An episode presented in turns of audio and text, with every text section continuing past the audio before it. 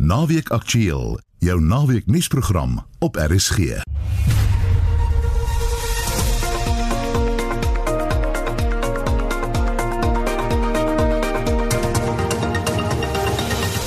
Goeiemiddag. In vandag se program. Hoop dat 'n nuwe vennoot met 'n beheerende belang die SAL gaan regryk. It brings together two very resourceful entities Harith, which is a funder, an infrastructure investor, and an airport owner, and Global Airways, which has uh, sufficient and interesting experience uh, in the airline industry. Ons praat met 'n ekonoom oor die verwikkeling. Hoe gemaak om te keer dat jy 'n papband kry in 'n gevaarlike situasie? Wat gebeur met so 'n rubberring is as die band pap raak, dan kan jy op daai rubberring ry en dit kan jou tot 'n veiligheid vat. En Pieter van der Berg hou die Franse ope, die crickettoets teen die Windies, rugby en ander sporte op. Welkom by Naweek Aktueel. Die span is Wessel Pretorius, Silwester Komani en ek is Marieta. Daar's nuwe hoop vir die beleerde Suid-Afrikaanse lugdiens. Dit nadat die minister van Openbare Ondernemings, Pravin Gordhan, na maande van onsekerheid 'n beheerende belang aan 'n beleggingskonsortium met ervaring in die lugvaartbedryf verkoop het.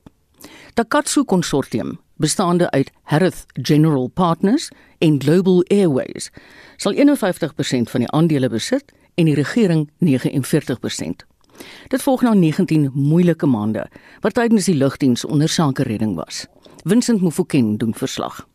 Gordhan sê die regering sal 33% in die bestuur van die lugdiens verteenwoordig terwyl die SAL personeel en die Takatsu konsortium die operasionele vermoë sal hê. Hy sê 'n memorandum van verstandhouding tussen die regering en Takatsu is onderteken. The strategic equity partner is known as Takatsu, which is a consortium and the word Takatsu in Sutu means aspire. And this consortium is 51% black owned. It brings together two very resourceful entities Harith, which is a funder, an infrastructure investor, and an airport owner, and Global Airways, which has uh, sufficient and interesting experience uh, in the airline industry. Gordhan sê sodra die konsortium 'n omstandigheidsondersoek oor die onderneming voltooi het, sal 'n koopooreenkoms voor die amptelike bekendstelling van die nuwe SAL onderteken word. On the board of SAA, the new SAA, board seats will be allocated in accordance with the proportions of ownership that I've indicated earlier on. and any variations on that depending on the outcome of the due diligence exercises. Similarly, as far as management is concerned, the composition of the management team will take into account South Africa's national demographics and transformation agenda. Government will have a golden share, which of uh, 33%. Die uitvoerende hoof van Takatso en die voormalige uitvoerende hoof van Comair, Gideon Novik, sê die omstandigheidsondersoek wat die komende weke op die lugdiens gedoen word, sal 'n evaluering van die SAL se filiale insluit om al lewensvatbaarheid te bepaal. We've got all the knowledge and insight and national interest that government brings. We've got the capital and financial insight and African experience that Harith has. And from a global point of view, we have incredible depth of experience in the, in the airline industry. We've got a lot to do. Um, it's uh, certainly keeping us up at night. The list is long. We've got to figure out which routes we want to fly. We've got, we've got to figure out what planes we want to fly. We've got to figure out, um, we've got to understand the subsidiaries of SAA a lot better than we currently do. Die voorsitter van die Takatso konsortium is die mede-stigter van Harith, Tsepo Matwele. Gordhan sê die voorsitter van die herstruktureerde lugdiens en die meerderheid van die uitvoerende span sal Suid-Afrikaans wees. Die verslag is saamgestel deur Naledi Ngobo. Ek is Vincent Mufokeng vir SAI Garnis. Ons ondersoek 'n bietjie hierdie nuwe wending en ons praat nou met professor Janie Rousseau van Wits Universiteit se Besigheidsskool. Goeiemôre Janie. Goeiemôre Marita, goeiemôre aan die luisteraars. Hoeveel weet jy van die Takatsu konsortium? Ons weet min van die Takatsu konsortium, ons weet meer van meneer Novik, dink ek spreek hom in sy van uit. Mm. Interessant dat ons nou weet dat daar wel uh, hulle wel 'n belang in Lanseria se lughawe het. maar uh, daar word ook vrae gevra rondom die feit dat iewers in hierdie konsortium daar tevore befondsing deur die openbare beleggingskommissarisse was. So daar is nog heelwat wat ons moet uitvind oor hierdie konsortium. Die stadium het ons meer vrae as antwoorde. Maar Harris General Partners is omstrede want dis 'n maatskappy wat tydens die Mbeki bewind gestig is om reuse bedrae van hoofsaaklik die staatspensioenfonds te gebruik om in Afrika infrastruktuur te belê. Maar is volgens die Mpati kommissie sogenaamde wettige plunderaars. Ja, ja, ja, ja, dit is korrek en dat ons moet versigtig wees is dat daar nie meer geld van die uh, staatsdienspensioenfonds gebruik word om lig die die ligte. Nee, ons wil regtig oor daardie aspek baie versigtig moet wees. Ons wil regtig hierdie punt baie mooi moet dophou. Wie sal daar kan toesig hou dink jy? Al aan die een kant natuurlik die uh lede van die staatsdienspensioenfonds sal moet uh kyk wat daar aangaan. Die trustees van die fonds het natuurlik ook 'n plig om uh, hier oor toesig te hou, maar in die verlede het die trustees van die fonds dink ek hulle nie regtig oor die onderliggende beleggings uitgespreek nie. En dan natuurlik sterk Janie staan net gou vir my bietjie stil asseblief, ons verloor jou. Wel, die uh, openbare beleggingskommissaris onder leiding van meneer Abel Setoli sal natuurlik ook moet toesig hou hieroor, maar die lede van die fonds sal baie duidelik moet weet dat die risiko is en hulle sal hierdie punt moet dophou. Ek gaan net vir 'n oomblik uit die Mpati kommissie aanhaal. En ek, dit is tussen aanhalingstekens. Wettige korrupsie vind plaas wanneer die elite 'n wettige raamwerk bou wat korrupsie beskerm of bestaande regsraamwerk manipuleer sonder om noodwendig die wette oortree. Ek haal dit net aan ter wille van agtergrond. Minister Gordhan sê die regering gaan 'n derde verteenwoordiging in die lugdiens se bestuur hê. Maar weet ons andersins al wat die 51% belang behels? Oor die 51% belang is daar nog groot onduidelikheid, maar het al wat ons weet op die stadium is daar gesê word die uh, konsortium sal 3 miljard rand in die lugdiens belê as deel van 'n herkapitalisasieproses. Nou natuurlik het die lugdiens herkapitalisasie nodig, maar dit lyk dus eintlik of die regering 51% belang weggee aan die konsortium op voorwaarde dat daar 'n 3 miljard rand herkapitalisasie is. Nou as dit die geval is, dan beteken dit ook dat die lugdiens se waarde waarskynlik nie meer 6 miljard rand kan wees as mm. jy die kapitalisasie kant kyk nie. Teenoor die meer as 30 miljard rand wat die regering oor die laaste 5 jaar daarin belê het. So, dis 'n klomp punte wat net nie finansiëel sin maak nie, maar wat ons baie positief oor moet wees is dat die regering bereid is om aksie te neem oor mislukte staatsondernemings. Mm. Ek gaan net nou daai punt vorentoe vat.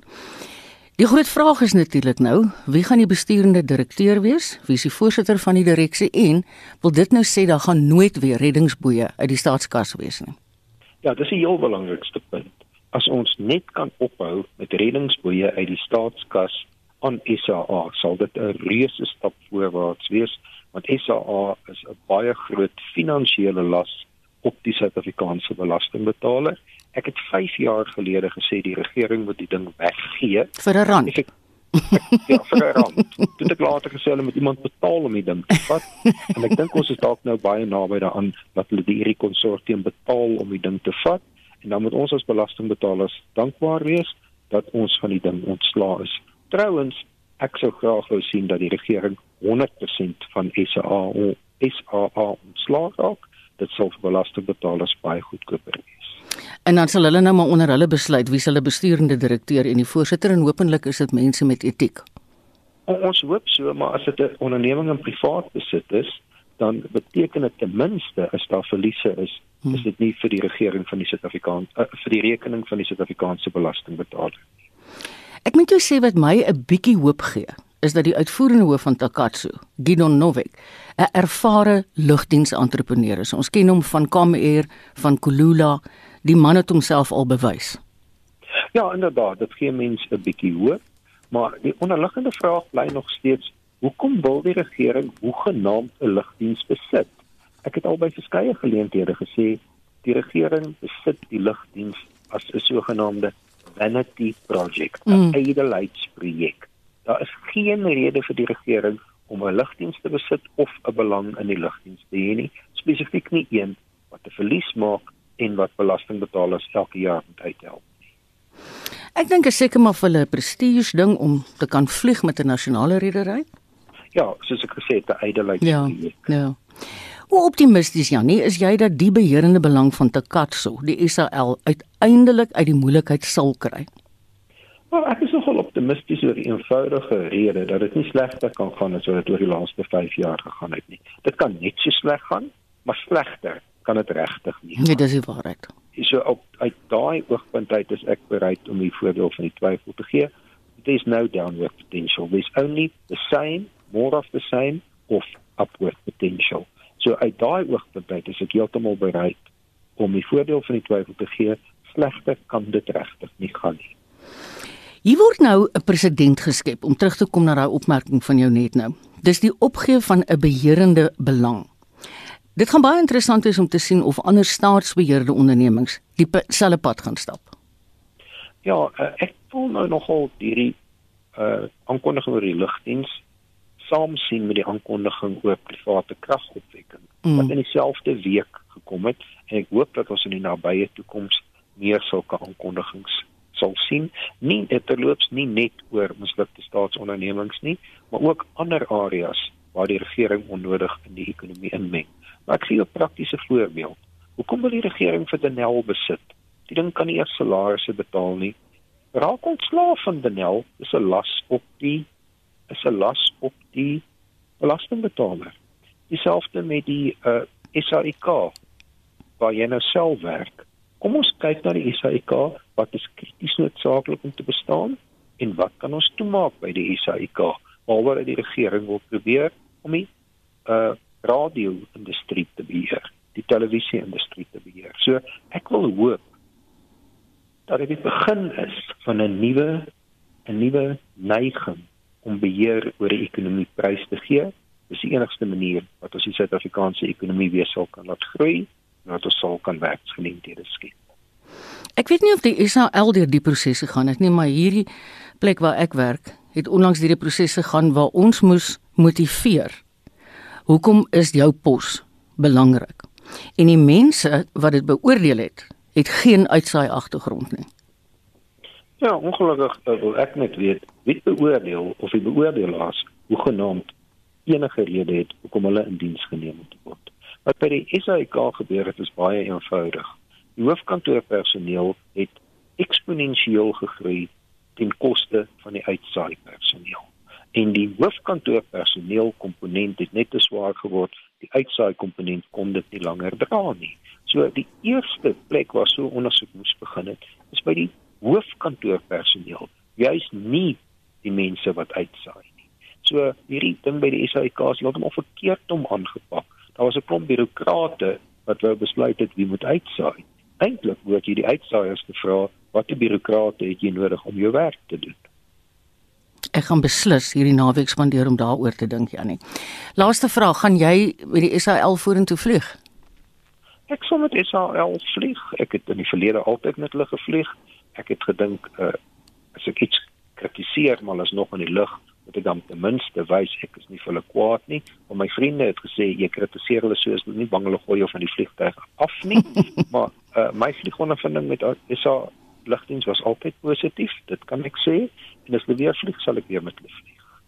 Baie dankie Jannie, dis altyd lekker om jou oor hierdie onderwerp te gesels. Professor Jannie Rousseau van Wits Universiteit se besigheidskool. 17 minute oor 12. Die nasionale direkteur van openbare vervolging, Shamila Batoy, sê die Verenigde Arabiese Emirate sal die Gupta se finansiële state en bankrekords so gou as moontlik aan Suid-Afrika moet besorg sodat hulle in Suid-Afrika verhoor kan word.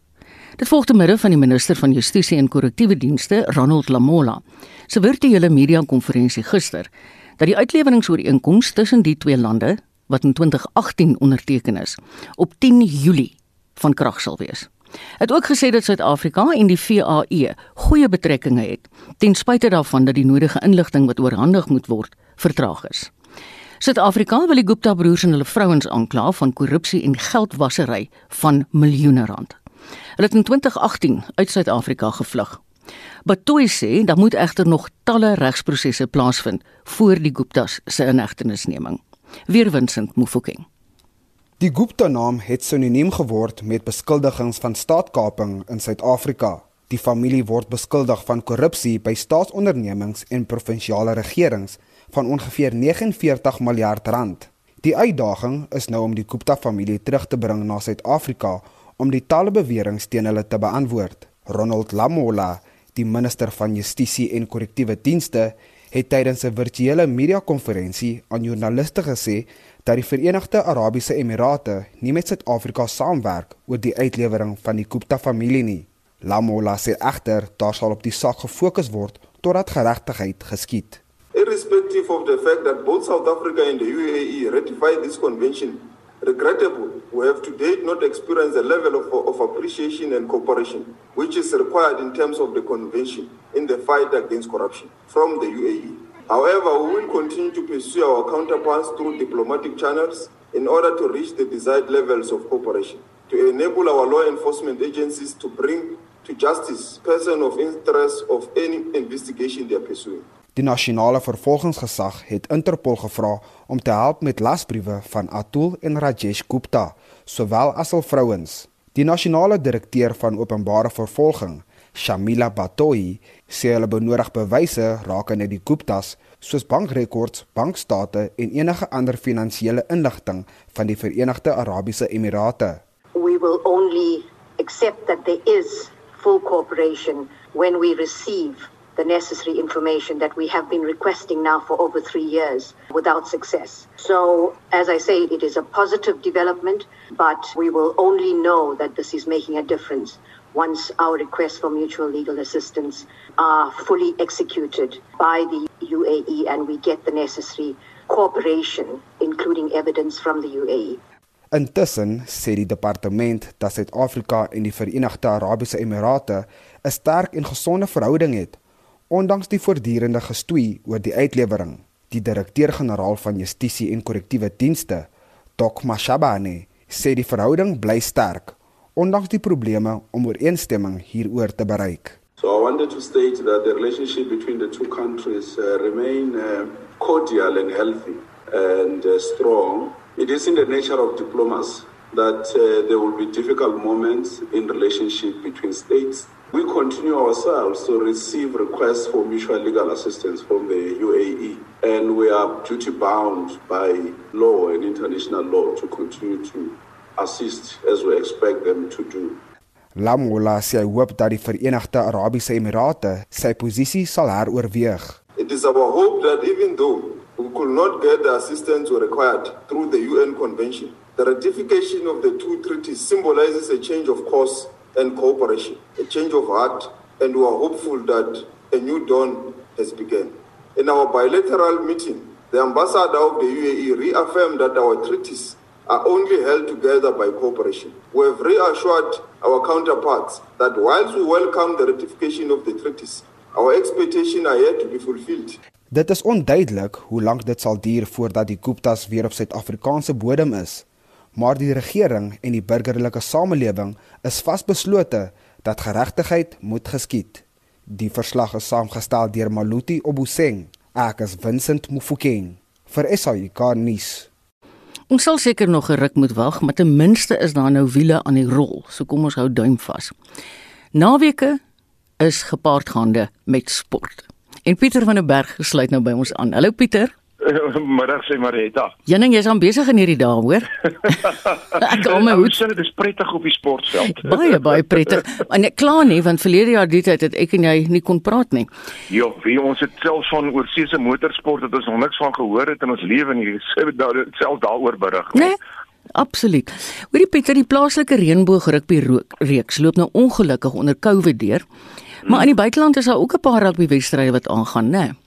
Ja, kom ons loer nou die plaaslike Reënboog Rugby Reeks. Dis natuurlik die laaste ronde wedstryde wat uh, hierdie naweek gespeel sou word. Nou ja, nou is dit sê sou gespeel word want die een wedstryd is in die Stormers en die Lions, moes afgelas word weens COVID en daardie wedstryd sou om 4:00 vanmiddag begin het en die Lions het van hulle spelers positief getoets en daarom kry die Stormers dan 4 punte by die punteleer. Wat die Bulls aan betref, hulle is voor op die punteleer en hulle speel vanaand uh, net na 6 kwart oor 6 speel hulle en dan teen die Sharks en dis vir 'n plek in die eindstryd om dan te bepaal wie gaan teen 'n Benetton Treviso speel. Hulle het reeds die noordelike afdeling van die Reënboogreeks gewen. So daardie wedstryd is vanaand om kwart oor 6, dan die Bulls teen die Sharks en Johan Tormalen, hy sal gereeld verslag doen oor die wedstryd. En dan het jy verwys aan die oorsese rugby, ja, dis die laaste groepwedstryde van die Transtasmaanse rugbyreeks en dit word hierdie naweek gespeel en ek moet vir jou sê, die Nieu-Seelandse spanne, hulle vier weer hoog gety want die Highlanders het gister die Brumbies met 33-12 getroof die Reds, hulle was uh, hulle het bepak gekry die Hurricanes het hulle geklop met 43-14. En dan vanoggend twee tydstede wat reeds voltooi is op Eden Park die Blues die Western Force met 31-21 geklop. Hulle het 4-3 gedruk. Ek neem aan hulle die bonuspunt daar verdien wat beteken die Crusaders het met die Rebels afgereken 52-26, maar die Crusaders moes met 33 punte gewen het en 'n bonuspunt. So ek neem aan die Blues gaan in die eindstryd wees. En dan in die laaste wedstryd, dis op die oomblik aan die gang, dis die Waratahs teen die Chiefs en so rukkie gelede was die Chiefs met 'n 14-0 voorgewees. Ek het gister gehoor jy sê in Monitor en Spectrum daar's 'n ongewone golftoernooi aan die gang in Europa. Maar as ek reg is, ek sê daar is ook aksie in Amerika.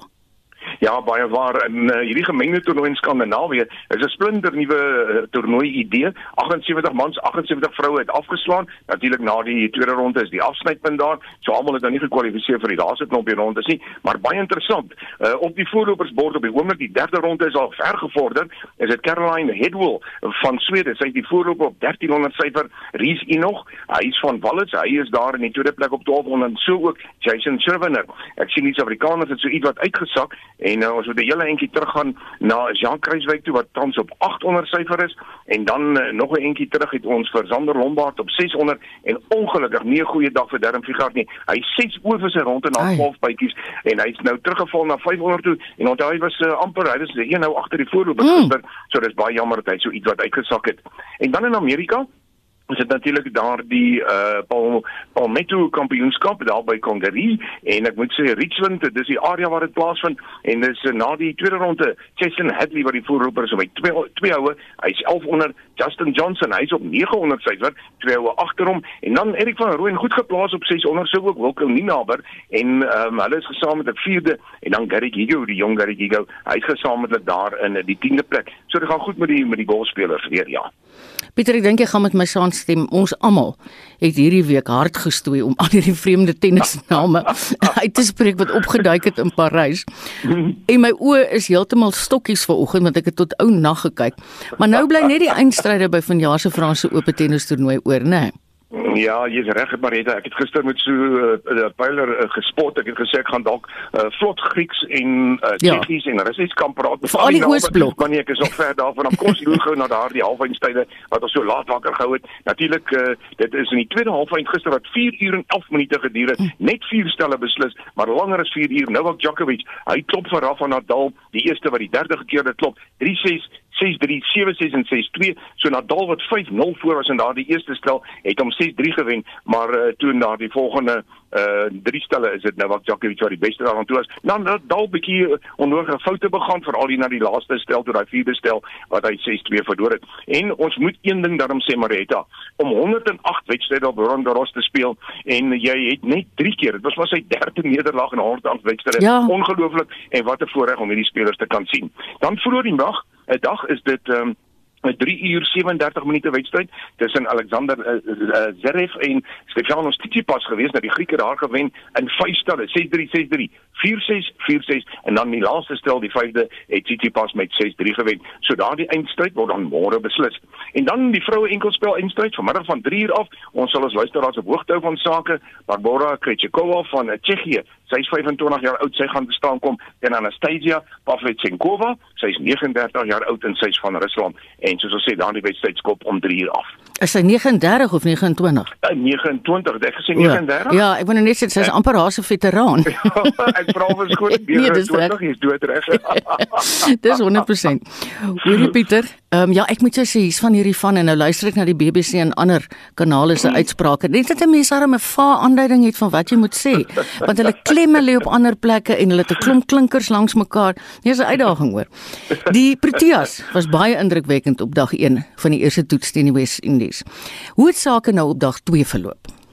Ja, die Windies die Windies is uitgeboonder vir net 97. Lugi Ngidi, hy het vyf paadjies plat getrek, Andre van Keer 4 en dan Suid-Afrika. Hulle sluit hulle uh, eerste beurt af met 322 lopies gister. Quentin de Kok uitstekend. Hy het 141 nie uit nie aangeteken 12 ure en 7 sesse.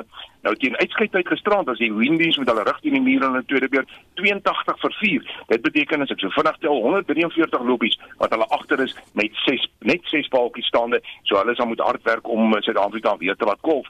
En dan op Edgbaston in Birmingham, dit Engeland en Nieu-Seeland wat in hulle tweede toetskragte meet. Nou uh, Nieu-Seeland het uh, nee Engeland eers gegolf 303 aangeteken. Nieu-Seeland het gaan oornag met hulle telling op 229 vir 3. Daardie telling het nou aangegroei na 262 vir 3. Hulle het reeds die tweede nuwe bal geneem, maar nog steeds net 3 paadjies plat. Taylor met 66 en Nichols met 8 is daar vir die paadjies. So dit gaan goed daar met Nieu-Seeland. Ek dink Engeland se iets wat met hulle rug teen die muur. Gister in monitor het jy gesê dat Bafana Bafana hulle sokkerwedstryd eergister teen Uganda lekker gewen het. Maar daar is ook ander internasionale wedstryde aan die gang, né? Nee?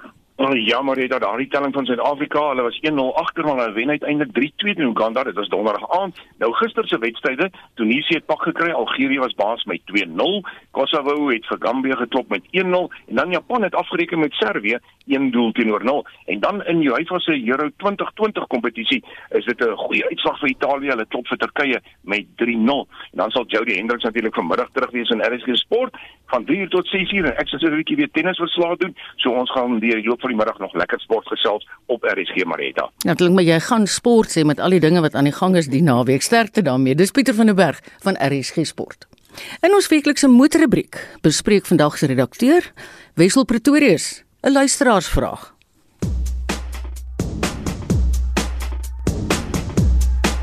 ‘n Luisteraar Jan Viljoen vra raad. Hy skryf dat hy die afgelope 3 weke twee bande moes vervang weens padtoestande en papwiele. En hy het 'n video saamgestuur na aanleiding van die spykers en penne wat misdadigers die afgelope tyd gebruik om motoriste in lokvalle te lei. Die bandproduk wat geadverteer word, word aan die binnekant van die band gespuit en kleef soos 'n gom vas om papbande te voorkom. In die video wys dan ook hoe 'n bakkie oor spykers ry sonder dat die band pap raak of oënskynlik beskadig word. Jan skryf: "Die produk lyk belovend, maar ek wil nie kanse waag om dit te installeer op my motor nie. Toe ek nog fiets gery het, het ek permatubes ingesit. Die soliede rubberband het nooit pap geword nie, maar die rit was baie stamperig. Aldus Jan. Ek het ouer gewoonte gaan kers opsteek by Nicolou. Hy's 'n tegniese konsultant met ingenieurservaring en die besigheidsontwikkelingsbestuurder by SVU gepantserde voertuie. Ja, Wessel, hierdie sogenaamde spike-aanvalle op ons paaie is deesdae 'n groot probleem. Die booswigte gooi skerp voorwerpe in die pad. Jy ry met jou voertuig daaroor jou bande blaas af, jy stop om te kyk wat aangaan en dis wanneer die rooftog of die aanval dan nou plaasvind. So hoe kan ons as motoreienaars onsself beskerm teen hierdie tipe van aanvalle? So eerstens baie van die luukse voertuie daar buite kom standaard uit met die sogenaamde paprybande of dan nou run flats. Nou hierdie bande se sywande is versterk sodat wanneer daai band pap raak of hy sy druk verloor, dat hy nie sy vorm verloor nie, maar jy kan nog steeds aanry op daai band. Daai voertuie het dan ook sensors in elke wiel om jou te waarsku wanneer jy drukking besig is om te verloor. En dis natuurlik uitstekend met hierdie spike aanvalle, jy sal kan aanry tot waar dit veilig is. Maar wat nou gemaak as jy 'n voertuig het wat nie van hierdie paprybande het nie? Wel, Die eerste opsie wat hulle in Engels noem is 'n bead separator. Dis 'n insetsel wat in jou velling geplaas word wat keer dat die rubberband wegtrek van die velling af wanneer hy pap raak. In daai geval dan kan jy heelwat verder met jou voertuig met 'n papband aanry as wat jy sou kon sonder hierdie tipe van insetsel. Wat 'n mens dan ook kan doen is 'n tweede opsie is daar's 'n produk wat ingespuit word binne in die buiteband wat so 'n tipe van 'n vloeibare produk is. Ons almal weet die ouens wat bergfietsry het, hierdie slijm wat hulle baie keer in hulle bande sit en daai slijm as daar 'n gaatjie gesteek word dan vorm dit so half 'n prop om te keer dat die lug uitkom. So dieselfde kan gebeur ook met die produk vir die ehm um, karbande. Dit kom natuurlik van die militêre veld regtig af, maar daar's 'n paar probleme met daai produk en die een probleem is dis 'n vloeibare produk. So jou wielbalans is 'n groot probleem. Veral as jou kar gaan lank stil staan, kan dit wees dat hy stadig begin afsak en as jou wielbalans heel uit. Die ander probleem is met hierdie spike aanvalle is dat die gaatjies is nie altyd baie mooi rond nie. Baie keer is daai goed so rof dat hulle ruk sommer stukke rubber uit jou band uit en in daai opsig gaan hierdie vloeibare produk vir jou niks help nie. Die veiligste en beste, maar ook ongelukkig duurste oplossing is 'n rubberring wat vasbou om jou velling en dan die leeftyd van die voertuig daar kan bly en jy kan jou buitebande net om dit vervang. En wat gebeur met so 'n rubberring is as die band pap raak, dan kan jy op daai rubberring ry en dit kan jou tot 'n veiligheid vat. So ons by SVI panservoertuie en bied hierdie opsie vir al ons kliënte aan en dis baie gewild in die sekuriteitsmyn en selfs privaat sektore, maar soos ek sê, dis ongelukkig 'n duur produk. Wat kan 'n mens anders doen? Ek sou sê, hou maar jou oë op die pad, kyk wat voor jou aangaan en vermy paaie waar hierdie aanvalle plaasvind veral tydens die nag. En die man wat altyd bereid is om luisteraarsbriewe te beantwoord, is Nicolou. Hy is 'n tegniese konsultant en die besigheidsontwikkelingsbestuurder by SVU Gepantserde Voertuie. Motornavraag kan aan my gestuur word e-pos na wissel@rsg.co.za. Volgende week evalueer ek Toyota se opgekikkerde Prado en 'n trokkie van JAC.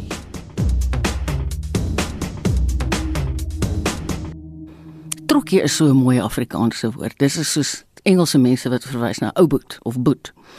Goed, nou buitelandse nuus. Die Europese Unie gaan nog sanksies teen Belarus instel. Hierdie sanksies sluit 70 individue en maatskappye in wat noue bande het met die Belarusiese regering. Die stap hou verband met die berugte inhegtenisname van 'n joernalis nadat Ryanair se vlug gedwing is om in die hoofstad Minsk te land. Anne Marie Jansen van Vuren berig.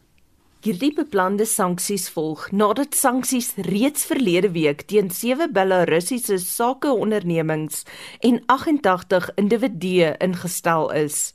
Hierdie individue sluit in onder meer regters en staatsanklaers wat daarvoor verantwoordelik was dat teen regeringsbetogers lang vonnisse opgelê is in die howe. 'n Verteenwoordiger van die Europese Kommissie, Ronald van Rooden, sê hulle beplan om al hoe meer druk op die regering van president Alexander Lukasjenko te plaas. We will leave no stone unturned and so step by step but we will make sure that the pressure is maintained and that we hit them hardest where we can hit them which is in their stature in their standing, in their wallet, everything. Die Belarusiese oppositieleier Svetlana Tikhanovskaya is hierdie naweek in Berlyn, Duitsland, waar sy aan 'n paneelbespreking oor die kunste en demokrasie by die Berlynse Filmfees deelgeneem het maar sy het vroeër die week met verteenwoordigers van die Amerikaanse Withuis vergader waar sy met die Senaat se komitee vir buitelandse verhoudinge gepraat het. Tydens hierdie vergadering het sy die regering van Belarus met die van Noord-Korea vergelyk. Lukashenko now doing everything to uh, isolate the Russian people from the world. He's trying to silence people, to threaten people, to make people scared. Thousands of people are in jail. Thousands of people who had courage to said they was against regime. And now he is uh, torturing people. He is uh, violating people just to make them to make them silence. President Biden het volgens berigte aan Tikhanovskaya gesê dat hy Belarus op die agenda sal plaas wanneer hy volgende week die Russiese president Vladimir Putin in Switserland ontmoet. Anne Marie Jansen van Vuren vir SAK nuus. Terug by die huis, die Noordwes-regering het 'n afvaardiging van LUR opdrag gegee om met die bestuur van Clover in gesprek te tree. Dit in 'n poging om die maatskappy te ooreed om sy besluit om sy aanleg van Lichtenburg na eThekwini in KwaZulu-Natal te skuif te heroorweeg. Die aanleg is die grootste kaasprodusent in die land. Die hervestiging daarvan kan meer as 330 werksverliese tot gevolg hê in Noordwes. Alhoewel die Noordwes regering erken dat die verskaffing van dienste deur die Ditsobotla plaaslike munisipaliteit moontlik van die redes is vir die besluit, sal die provinsie alles in sy vermoë doen om werksverliese te red. Weerwinsend. Volgens die provinsiale regering word daar gekyk na die red van werksgeleenthede want daar word verwag dat meer as 300 werknemers by die onderneming hul werk sal verloor.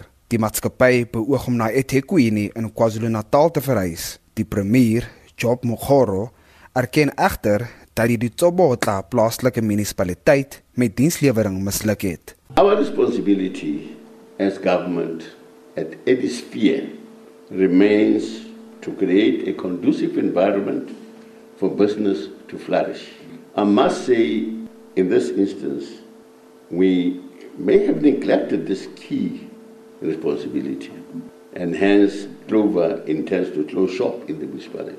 Die provinsiale regering sê egter die besluit om die onderneming te staak is blykbaar nie net weens dienslewering nie. 'n Span ALR onder leiding van Despo Mogono Die ALR vir landbou en landelike ontwikkeling sal met die bestuur van die kaasvervaardiger vergader in 'n poging om die dreigende hervestiging te stop. Die ALR vir samewerkende regering is Moloki Kwaile. This could be just purely a, a business decision. We have reached the leadership uh, of Kluva in the form of the CEO and the legal secretariat requesting engagement we are continuing to seek to have audience and engagement with Kluwer for many reasons. Intussen kan die provinsie ander opsies oorweeg soos om die aanleg oor te neem, sou hy nie die maatskappy kon oortuig om te bly nie. Die maatskappy het ook aangedui dat die swak koste van infrastruktuur hul bedryfskoste geweldig verhoog het en dat dit hul verskaffers geraak het. Die kaasaanleg het ongeveer 380 vaste werknemers en ongeveer 40 tydelike werknemers in diens. Despo Mogono, die ALR vir landbou, sê ander opsies moet oorweeg word. We must have plan B. In case they have made their mind, they are not changing, they are closing down, what is it that we we will do as government because we we are a caring government. We want to make sure that we save jobs.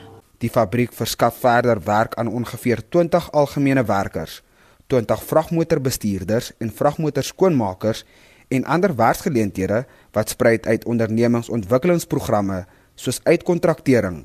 Die verslag is saamgestel deur Silweste Serame. Ek is Vincent Mufokeng vir SAI Garnis. En nou na Zimbabwe. 'n Nuwe verslag oor korrupsie in Zimbabwe toon dat die betrokkeheid van plaaslike, internasionale en privaat maatskappye van reg oor Afrika heelwat wyer is as wat voorheen gereken is. Die 64 bladsy dokument getiteld Cartel Power Dynamics in Zimbabwe is deur sommige van die land se voorste navorsers saamgestel. Dit sê privaat maatskappye werk glo saam met Zimbabwe se se politieke elite, insluitende president Emmerson Mnangagwa, om jaarliks miljarde dollar te plunder. Darren Taylor berig. Die regerende ZANU-PF party sê die verslag is 'n klomp leuns, maar dit keer nie die dokument se uitgewer, die Suid-Afrikaanse menseregte aktivis Mark Haywood van sy missie om dit wyd te versprei nie. Hy sê dit behoort gelees te word deur enigiemand wat wil weet hoe 'n regering beslag neem van 'n land se bronne en rykdom en die meerderheid van 'n nasie in uiterste armoede dompel. Alles met die hulp van selfsugtige privaat maatskappye en individue.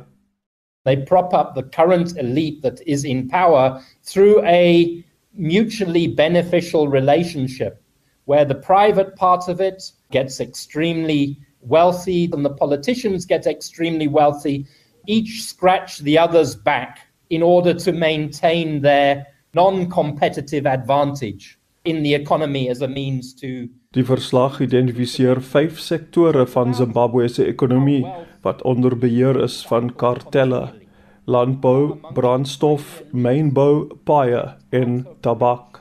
Volgens die verslag vra privaat maatskappye byvoorbeeld opgeblaase pryse vir die insette wat boere nodig het om gewasse te groei. Die dokument sê in een geval het katoenboere meer as 140 Amerikaanse dollar bo die gemiddelde prys vir insette per hektaar betaal. It describes the modus operandi of corruption and illicit financial transactions whether it is under invoicing on exports whether it's illegal smuggling of tobacco, whether it's illegal smuggling of gold, whether it is the selling off of public assets to private buyers uh which then resell those in openbare bate wat eintlik aan die mense van Zimbabwe behoort maar wat die regering vir die privaat Sakunda firma gegee het is die brandstofpyplyn van Beira in Mosambiek tot Furuka naby die dorp van Mutare Sakunda gebruik glo die pyplyn om soveel brandstof as wat hy wil hê in te voer. Ander invoerders moet vir Sakunda betaal as hulle die pyplyn wil gebruik. Hy would sê die kartelle is aanhoudend besig met ondergrondse finansiële transaksies wat geld buite die bereik van die meerderheid mense hou. Die effek hiervan sê hy kan gevind word in 'n ontleding deur die Wêreldbank. Dit wys Zimbabwe het een van die grootste informele ekonomieë ter wêreld met 90% van mense sonder formele poste. Again, evidence of how the real economy is constricted and strangled, killing jobs, killing productive employment and forcing people into informal employment as a means to try to to keep alive. Hy would sê Zimbabwe se superryke elites gebruik onwettige transaksies om ontwikkeling van die land se ekonomie te stuit omdat dit in hulle belang is om te sorg dat die arme mense al hoe armer word. So anybody in Zimbabwe who thinks that this is a developing country that will slowly make progress is fooling themselves for as long as this stranglehold remains unbroken. Hy sê die verslag is sonder twyfel in ware weerspieëling van wat besig is om in Suid-Afrika se buurstaat te gebeur. I have not seen any serious attempt to refute it, to discredit it on an evidentiary basis and say, well, you say that the way it works is like this, but in fact it works like that, and, and here's the evidence. And, and, you know, to give one example, uh, a few people have come forward and said, we're not the directors of this company, but nobody knows who the directors of particular companies are. Uh the law that was going to require... baie van die getuienis in die dokument is verdoemend vir baie mense maar hy would twyfel of enige owerheid iets daaraan gaan doen of selfs probeer doen om die korrupsie stop te sit nie. I'm worried. I feel as if this report should be seriously studied. I did send it to the Zimbabwe Anti-Corruption Commission. They never acknowledged the report Die Suider-Afrikaanse Ontwikkelingsgemeenskap het ook geen reaksie getoon teenoor die verslag nie. Wat dit wel doen, is om sy beswaar aan te teken teen Amerika se sanksies teen sommige van die individue en maatskappye wat die dokument beskuldig van grootskaalse korrupsie. Ek is Darren Taylor in Johannesburg. Volgens oppositiepartye ly die jeug vandag steeds aan 'n onderwystekort. Nes die jong mense wat in 1976 in opstand gekom het. Lede van die Nasionale Raad van Provinsies het met die oog op Jeugdag volgende week Woensdag gepraat oor toegang tot gratis hoër onderwys en vaardigheidsontwikkeling onder die jeug. Zelin Merrington doen verslag. Die meerderheid van die Suid-Afrikaanse jeug moet steeds berge versit vir goeie onderrig. 'n Voormalige studente-aktivis, Fasia Hassan, nou 'n lid van die Gautengse wetgewer, sê vir baie jong mense is toegang tot onderwys steeds amper onmoontlik. Imagine a black woman student from the rural Eastern Cape. Let's call her Nokolo. She's forced to study in a language foreign to her. English is most likely a second or third language. She cannot afford the fees, so has to get a bursary or a loan. Sometimes these bursaries cover the full cost of study and sometimes not, especially not in a Wits university where you would have to get a top up because the fees are higher. I've even come across cases, many of them, where the stipend given to poor students is sent home to their families to put food on the table, therefore, meaning that the student has nothing left for themselves. And the university space has not decolonized enough to have sufficiently realized that a student such as Nokolo needs extra assistance and help to bridge the gap from a commodified and unequal education system. DALP, Karabu Kakao en EFFLP Brenda Matabula hierdie stand van sake betreur. 74.7% of young people in this country are unemployed. Some of these young people have been born into poverty. And thanks to this government's lack of direction, possibly face no chance of freeing themselves from the painful shackles of constantly being reminded that poverty is their home. While some of our youth hold legitimate tertiary academic qualifications but are unable to find a decent job, if any at all, simply because South Africa's economy cannot carry them. But as the apartheid government of 1976 did to young people, so is the ANC government doing in 2021. You don't have to shoot them with guns, although you too often do. When the youth of this generation fought for free quality education, the ANC government shot at them, arrest many and kill some. Vryheidsfront Plus LP Stefanus de Tooy het die jeug aangemoedig. Die adjunkminister van hoër onderwys, Boetie Manamela, sê die regering is daartoe toegewy om verseker Fear is in your mind. We are not oblivious to the current state of affairs and the ANC created racial tension that exists. Do not allow fear for failure to keep you from trying. Do not let fear for disappointment prevent you from reaching for the stars. Do not let fear of what people say prevent you from achieving your full potential. Die adjunkminister van hoër onderwys, Boetie Manamela, sê die regering is daartoe toegewy om te verseker alle verdienstelike studente kan studeer. Oor die hoë werkloosheidssyfer onder jeug, sê hy dit sal tyd neem om te verander.